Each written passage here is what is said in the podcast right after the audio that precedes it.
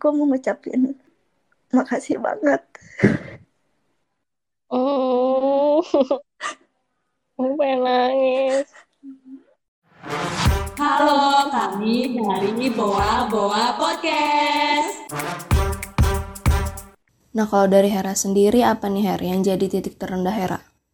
Nah, kalau cerita tentang titik terendah di hidup aku, sebenarnya ini hal yang nggak banyak orang tahu gitu. Dan emang aku juga nggak ceritain ke siapa-siapa. Terus karena kenapa sekarang aku berani cerita? Karena alhamdulillahnya semua udah berlalu gitu ya. Jadi ceritanya itu berawal dari pas aku SMP kelas 2 berarti sekitar 2013 ya? Ya iya. Nah jadi awal mulanya uh, awal mulanya itu pas tahun 2013 ceritanya tentang um, jual beli tanah jadi papa aku tuh beli tanah di suatu daerah.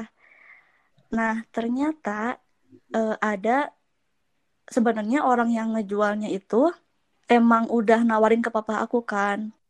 Nah, tapi si tanah tersebut itu tuh kayak disewa sama seseorang yang dia tuh punya ilmu hitam gitu. Nah, karena papa aku awalnya nggak tahu kan, cuman papa aku tahu gara-gara dikasih tahu sama warga sekitar gitu karena emang gak ada yang berani buat beli tanah itu. Jadi setiap tahun tuh emang disewa sama orang tersebut gitu. Tapi orang tersebut gak mau ngebeli, cuman pengen dipakai aja, nyewa aja gitu. Nah, ceritanya itu pas malam udah ngasih uang, terus mama aku tuh mimpi yang buruk, pokoknya Maya mimpi didatengin seseorang, terus dicekek dan sebagainya. Udah gitu, um, semakin hari aku nggak akan cerita secara detail ya cuman semakin hari hal-hal yang berbau mistis tuh semakin sering terjadi. Um, kalau awal-awal tuh kayak masih kes kesurupan. Pokoknya setiap hari itu pasti ada weh kesurupan. Sampai lama-lama tuh semakin parah gitu parahnya tuh setiap abis sholat gak sadar terus pokoknya kesurupan berbagai macam hal-hal yang kayak binatang, terus orang zaman dulu, kayak orang-orang kayak karuhun-karuhun dulu gitu ya sih nyebutnya tuh. Itu tuh waktu aku SMP dan terus berlangsung sampai SMA pokoknya paling-paling parah itu pas masa-masa aku SMA kelas 2, kelas 3. Nah, itu tuh waktu SMP itu yang paling bikin aku sedih tuh kan mamaku gak sadar ya seharian tuh gak sadar gitu tidur terus. Pokoknya gini ada ada masa mama aku sadar ingat keluarga ingat rumah ada masa mamaku benar-benar gak sadar dan seharian tuh tidur tidur terus. Itu tuh aku di zaman SMP tiap hari harus ke pasar harus belanja buat makan keluarga harus masak buat sekeluarga tiap pagi tiap subuh udah gitu itu tuh selama dari SMP kelas 2 sampai kelas 3 kan berarti. Nah, terus berlangsung kayak gitu pas SMA kelas 1, SMA kelas 1 tuh mamaku mulai nggak tahu agak sembuh gitu. Pas SMA kelas 2 mulai lagi semakin parah, semakin parah sampai gak sadar-sadar seharian. Terus tiap hari bukan mama aku gitu, itu bukan mama aku sampai bulak-balik ke Bandung. Jadi kan kalau di Kuningan kan aku tinggalnya sekeluarga aja gitu ya. Keluarga mama aku tuh di Bandung, keluarga papa aku di Kuningan. Cuman karena rumah aku sama keluarga aku tuh misah dari kayak lingkup keluarga adik-adik papa aku. Jadi kita tuh menanggulangi masalah ini tuh sama sekeluarga kecil kita aja gitu. Nyari-nyari ustadz dari mana pun, terus pokoknya udah ikhtiar ke mana pun masih tetap aja gitu kayak gitu. Gak sadar gitu sampai gak inget gak inget keluarga gak inget kadang gak inget mandi kadang gak inget sholat gitu. Nah pokoknya parah-parahnya itu pas aku kelas 2 pas kelas 2 itu uh, itu tuh udah mulai dibawa ke Bandung karena dari karena pas di Kuningan tuh kita udah kayak nggak sanggup gitu udah mau papa aku dinas aku sekolah SMA kan sibuk juga adik-adik aku juga sekolah terus mama aku tuh dibawalah ke Bandung. Di Bandung tuh diobatin sama keluarga di, diajakin ke sana ke sini. Disembuhin gitu ya. Nah udah agak sembuh pulang lagi ke Kuningan. Parah lagi bawa lagi ke Bandung. Pokoknya sampai ada satu titik di mana itu menurut aku uh, titik yang paling apa ya titik rendah di hidup aku gitu ya. Ketika uh, pokoknya dari Kuningan tuh mamaku udah nggak sadar jam 9 pagi kalau nggak salah jam 9 pagi udah nggak sadar kita tuh udah gotong mama aku sekeluarga ya gotong bawa ke mobil. Terus kita tuh berangkat ke Bandung. Dan di mobil tuh mama aku tuh gak sadar itu bukan mama aku sampai bilang pokoknya kan tadinya mau langsung dibawa ke rumah sakit kan di dirawat gitu. Tapi mama aku tuh bilang tapi itu bukan mama aku ya maksudnya dalam keadaan tidak sadar. So kalau misalkan dibawa ke rumah sakit ini yang dalam mobil ini se semuanya bakal celaka. Itu posisinya kita sekeluarga di dalam mobil sampai mama aku ditaliin gitu ya kakinya tangannya. Terus ya sedih gitu gimana ya? So kalau misalkan dibawa ke rumah sakit semua yang ada dalam mobil ini bakal celaka. Nah yang kita khawatirkan tuh kan takutnya ke supir gimana gitu ya jadi celaka nah tapi untuk jadi akhirnya kita bawa mama ke rum ke rumah nenek nah pas di rumah nenek itu gimana ya bener-bener jadi sejadi-jadinya yang bukan mama aku. Terus sampai akhirnya memutuskan udahlah bawa ke rumah sakit. Dibawalah ke rumah sakit yang di Dustira pas libur kalau nggak salah atau sebelum libur pokoknya itu ya mama aku masuk ke rumah sakit jiwa tangan kaki ditaliin keranjang yang buat pasien di rumah sakit jiwa mama aku dalam keadaan tidak benar-benar gak sadarkan diri gitu. Bukan mama aku kayak ngomong ke apa ya ke, kemasukan kayak kemasukan. Yang ngomongnya tuh ke sana ke sini tapi bahasa Inggris. Aneh aneh. Tapi mamaku tuh kadang kadang kemasukan yang bahasa orang gak tau aku nggak ngerti. Yang bahasa hmm. Inggris. Kadang kemasukan kayak kakek-kakek nenek-nenek. Nah yang paling bikin aku sedih kan kan mamaku udah ya uh, dirawat di rumah sakit jiwa itu selama dua hari. Pas ketiga harinya udah agak tenang tapi tetap gak sadarkan diri dan eh itu mah sedih pisan. Mama aku teh kan karena nggak sadar juga sampai pup di pup di situ gitu ya pup di situ. Terus dibersihin sama uh, apa ya pak uh, suster sama suster yang ada di rumah sakit itu dibersihin dimandiin. Tapi mama akunya nggak sadar malah muter-muter sendiri terus udah dimandiin tiba-tiba udah we diem tapi nggak ngomong apa-apa diem terus dari dokter tuh bilang kalau mama aku tuh harus masuk ke sel yang buat orang gila. Pokoknya udah yang udah dimandiin itu ganti baju, terus dibawa pakai kursi roda masuk ke sel. Sel bener-bener sel kayak suatu kayak ruangan kotak doang, kamar mandi di situ.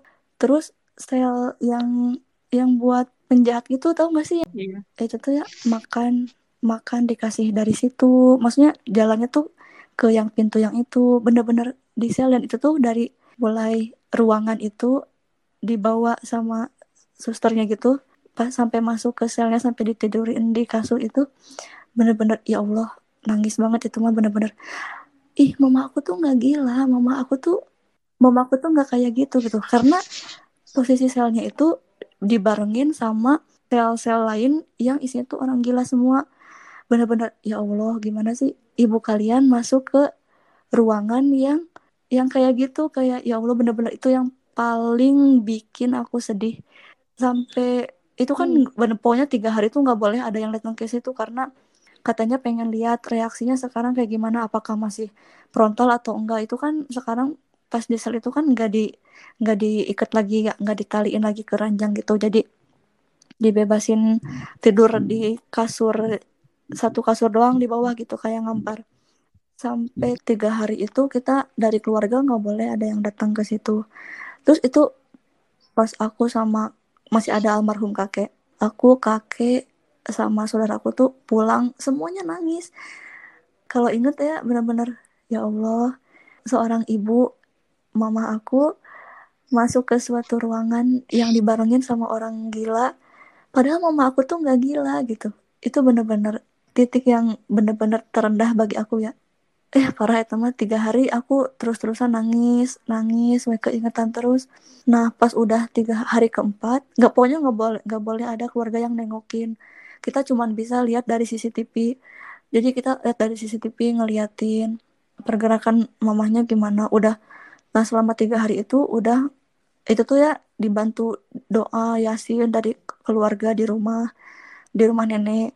Terus dibantu sama ustadz dari mana gitu lupa pokoknya selama tiga hari kita cuma bisa lihat dari CCTV itu pun nggak boleh setiap waktu datang ke sana. Cuman sehari itu cuman sekali yang boleh ngeliat tuh. Terus pas hari keempat kelima barulah masuk ke ruang isolasi biasa yang ruang yang sakit jiwa itu itu mulai nggak ditaliin lagi. Udah weh biasa lagi biasa lagi. Nah dari situ mulai rada sadar. Masih sadar tapi kadang ada gak sadarnya. Sampai aku tuh sampai aku dan keluarga tuh nggak ada yang berani ngelihat matanya saking takutnya. Pokoknya kelihatan beda. Orang yang kemasukan sama orang yang sadar tuh beda. Matanya tuh yang kemasukan tuh hitam kan? Mungkin kalian pernah dengar gitu hitam gitu pokoknya kita tuh nggak ada yang kita tuh nggak ada yang berani buat tatap matanya karena setakut itu. Dan yang paling bikin aku sedih teh ada satu kejadian di mana mamaku teh benar-benar gak sadar. Itu teh kalau nggak salah pas masih oh ya masih di kuningan. Pas SMA berarti masih di kuningan adik aku teh lagi ngaji kalau nggak salah. Pokoknya cuma ada aku sama mama aku. Posisinya mamaku teh gak sadar dari duhur dari duhur teh nggak sadar terus tiba-tiba asar teh bangun mandi. Udah mandi cuman pakai mau kena putih aja pakai mau kena putih tiduran di kasur di kamar aku tiduran di kasur merem. Terus sebelumnya ngomong gini ke aku uh, pakai Indonesia pakai bahasa Sunda kan cuman Indonesianya teh nitip ya adik-adik. Kalau misalkan mama meninggal sekarang teteh jadi pengganti mama ya. Hmm. Itu Hmm. teh mamaku teh langsung nggak sadar weh dari situ nggak sadar. Nggak sadar terus pokoknya kaki kaki mamaku teh mulai dingin ya. Di, di situ aku panik dong. Gimana? Terus aku langsung nelpon nelpon papa nelpon keluarga di Bandung. Aki mama bilang kio kio kio. Saat itu juga eh, kaki aku teh langsung kaki aku teh langsung ke kuningan. Pokoknya keluarga teh langsung datang datang semuanya pada datang tapi pas maghrib teh mama aku teh sadar lagi dan gak tahu kayak seolah biasa biasa biasa lagi. Pokoknya hal-hal yang kayak gitu teh kalau nggak salah dua kali deh dua kali kejadian dan bikin ya Allah sebagai aku yang sebagai seorang kakak gitu ya di diomongin gitu sama mama dititipin keluarga bener-bener sedih lah gitu. Terus pokoknya itu tuh berlangsung sampai aku pok yang paling parah ya berlangsung sampai aku semester satu kalau nggak salah semester satu kuliah. Nah di pas masa-masa SMA itu tuh kan gak semua orang gak ada yang tahu kan. Dari SMP pun emang gak ada yang tahu gitu. Teman dekat aku pun gak ada yang tahu. SMA juga aku cuma cerita ke satu orang. Kalian mungkin tahu lah siapa. Nah aku tuh SMA tuh cuma cerita ke satu orang. Dan kan selama SMA tuh kelas kelas 2 ya aku ingat kelas 2 tuh masa-masa kita di mana bener-bener hektik kan dengan tugas dengan ujian-ujian dan segala macamnya itulah. Di mana aku pas pas pulang pulang sekolah mama aku nggak sadar. Terus kadang sadar lagi. Terus itu mah benar-benar pas kelas 2 teh bukan hanya beban di pendidikan gitu di sekolah tapi beban keluarga juga gitu. Nah udah mah kan aku emang nggak cerita ke siapa pun kan gak cerita ke siapa pun cuman ke satu orang itu aja itu makanya kenapa aku dulu dekat banget sama orang itu karena Hmm. Tapi hebat banget loh. Aku bener-bener nggak kelihatan gak sih? Kayak baik-baik aja gak sih? Aku nggak nyangka loh. Ternyata. Aku nggak tahu ternyata selama itu.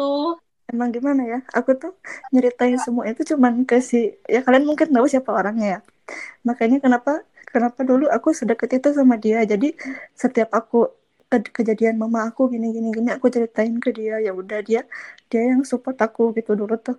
Karena aku nggak tahu gitu mau ceritain ini ke siapa dan karena ini hal-hal yang berbau mistis juga jadi aku juga takut gitu ya. Kalau aku cerita takut orang takut yang lain gak percaya kalau aku cerita udah mah ini istilahnya masalah keluarga lah gitu.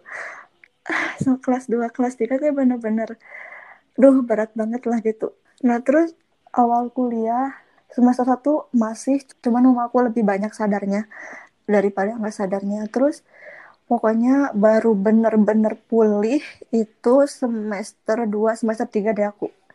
Bener-bener pulih dan eh nggak tahu semester 3 4 nggak tahu 2 3 pokoknya kalau nggak salah 3 4 gitu.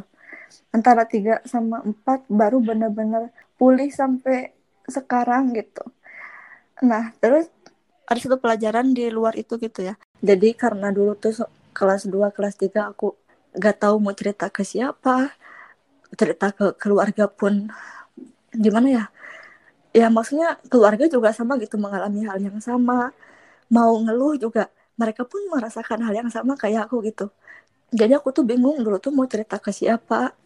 Makanya aku segala hal tentang keluarga tentang sakitnya mama aku tentang dulu kan papa aku udah sama papa aku dinas juga punya usaha juga di luar Jawa. Terus ya kerja sampingan juga kan di beberapa perusahaan. Nah itu kan papa aku teh kalau kalau pulang ke rumah teh marah we jadi gimana ya kayaknya saking pusingnya aku juga benar-benar kagum gitu sama papa, papa aku. Kagumnya tuh udah mah pusing mikirin dinas udah mah pusing mikirin ekonomi keuangan udah mah pusing mikirin uh, usaha usahanya gitu bisnisnya. Udah mama mikirin mama yang sakit. Sakitnya bukan kayak orang yang sekali ke dokter sembuh gitu. Tapi kan sakitnya berkelanjutan ya setiap hari gitu. Itu aku benar-benar salut lah sama papa gitu. Nah terus pada saat itu aku cuma cerita ke orang tersebut. Pokoknya orang tersebut yang benar-benar tahu dengan detail gimana perjalanan mama aku gimana sakitnya mama aku. Setiap harinya aku tuh selalu cerita ya di rumahku ada kejadian gini gini gini. Ada keja ada kejadian tiba-tiba di depan rumah. Banyak ulat atau ada darah. Pokoknya dia yang tahu segalanya. Terus aku juga kalau misalkan nih, kalau misalkan dia mendengarkan podcast ini, aku mau ngucapin makasih banget. Oh, aku pengen nangis. Pokoknya aku mau mau ngucapin makasih banget karena udah nemenin ya masa-masa aku di titik terendah gitu ya. Yang ya cuman dia aja gitu yang tahu dari lingkungan pertemanan aku. Udah nemenin udah support. Kalau misalkan uh, dia dengerin aku ini aku mau ngucapin makasih karena gak sempet ngucapin kan. Jadi pelajarannya aku dapat dari orang tersebut ya mungkin dulu aku karena bingung mau cerita ke siapa. Jadi aku tuh bergantung ke orang tersebut. Aku ber, berkeluh kesah cerita lebih banyak lebih sering ke dia gitu. Tentang keluarga tentang masalah yang mama aku ini. Pokoknya bergantung ke dia aja ya. Nah jadi sampai jadi gimana ya? Pokoknya pas aku aku sama dia oh, udah nggak ada komunikasi lagi gitu. Di situ aku baru baru sadar oh ternyata aku tuh orangnya terlalu bergantung ke dia gitu. Terlalu bergantung kayak berkeluh kesah sampai ketergantungan gitu. Cerita teh ke dia we apa-apa permasalahan. Sampai aku kayak gak punya kontrol kontrol buat diri aku sendiri. Karena ketergantungan jadi ketika udah gak ada komunikasi tuh kayak ada sesuatu yang hilang. Jadi aku tuh bingung bingung jadi bener-bener ngatur lagi diri ngatur lagi diri sendiri gitu ngatur lagi diri sendiri kan karena kita uh, udahan komunikasinya tuh pas uh, mamaku sebelum sembuh kan. Nah dari situ mulai kerasa oh ternyata aku terlalu bergantung nih sama orang. Dari situ aku mulai belajar oke okay, kayaknya aku harus benar-benar ngatur ulang diri aku buat nggak usah tergantung lagi sama orang. Nah dari situ aku mulai memikirkan hal itu sendiri gitu gimana caranya supaya aku bukan menyembunyikan sih maksudnya ya udahlah hidup harus terus berjalan kan. Masa kamu mau terus-terusan sedih karena hal tersebut gitu? Dah pokoknya eh, semester 1, 2, masih kayak gitu tapi agak berkurang nah alhamdulillahnya. Pas semester 3 4 kalau nggak salah aku lupa. 4 deh kalau nggak salah mamaku udah mulai alhamdulillahnya sembuh total. Berkat Allah berkat doa semua juga. Sampai sekarang alhamdulillah sembuh total. Terus buat kamu yang dulu dengerin cerita aku makasih banget alhamdulillah mamaku udah sembuh hmm.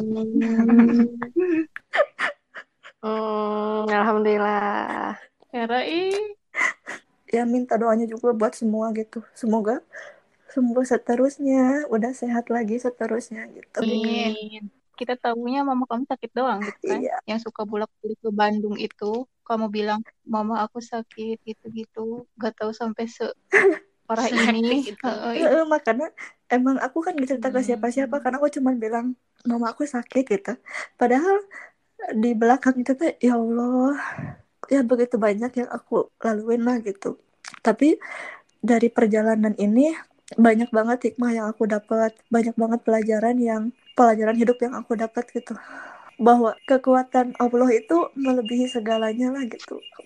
setiap titik rendah orang itu kan beda-beda ya. Karena emang ya jalan cerita kita tuh beda-beda gitu Allah itu punya plan tersendiri gitu buat kita. Tinggal kita bisa menyikapinya secara baik dan e, bisa ngambil hikmahnya dari apa yang udah kita alamin gitu. Setuju. setuju kan hidup itu ya ujian jadi kayaknya ke depannya juga pasti kita nemuin titik lagi yang mungkin aja bisa jadi titik lebih terendah lagi daripada yang sebelumnya dan selalu ingat aja kalau Allah itu nggak akan membebani suatu hambanya di luar kemampuannya gitu jadi kalau Allah masih masalah atau ujian pun pasti Allah yakin kalau kita tuh bisa menghadapinya gitu. Sesulit-sulitnya eh, permasalahan atau ujian kita selalu libatkan Allah di dalamnya. Pasti eh, selain kita mungkin berhasil di dunia juga pasti insya Allah nanti kita juga dapat pahala untuk di akhirat nanti. Amin. apa pun titik terendah kalian, apa pun kejadiannya, siapa pun orang yang terlibat di dalamnya, terus hal apa pun deh yang ada di dalamnya itu, kalian harus berterima kasih sama mereka. Sejelek-jeleknya atau seburuk-buruknya pengalaman yang pernah kalian alamin, itu pasti ada sisi baiknya, pasti ada sisi positifnya. Entah kalian udah sadar ataupun belum, eh, aku doain semoga kalian segera tahu apa hikmah di balik itu semua tuh. Dan untuk kalian yang udah tahu apa pelajaran yang udah diambil setidaknya kalian berterima kasih dan bersyukur ya sama Allah. Kalian udah diberi pengalaman itu semua dan tetap berjuang untuk hidup selanjutnya intinya selalu melihat dan yakin bahwa di setiap musibah yang kita alami itu pasti memiliki sisi kebaikan. Dan harus selalu bersyukur atas apa yang telah terjadi sama kita mau itu hal baik ataupun hal buruk dan kita harus selalu bersyukur juga atas apa yang kita miliki sekarang. Bener sih apa yang kalian-kalian omongin gitu ya. Pasti kita bakal uh, dapat ujian terus kan karena bakal terus naik tingkat gitu. Tapi balik lagi gitu ke diri kita masing-masing gimana kita menyikapinya, gimana kita menghadapinya. Pokoknya bener deh kata Ai tadi harus selalu bersyukur sama apa yang terjadi ke kita karena pasti setiap kejadian yang menimpa kita bakal ada hikmahnya di balik itu. Buat pendengar buah-buah yang mungkin sekarang lagi merasa ada di titik terendahnya, pasti kalian ngerasa capek kan, ngerasa ada di posisi yang, duh pengen cepet-cepet semua ini berakhir. Yang kalian lagi alami, ya gak akan berlangsung selamanya. Semua pasti akan ada ujungnya. Ada sebuah quotes buat kalian pendengar buah-buah, jika terjadi hujan lebat, jangan minta hujannya dihentikan, tapi berdoalah agar payungmu dikuatkan. Boa boa boa boa boa boa boa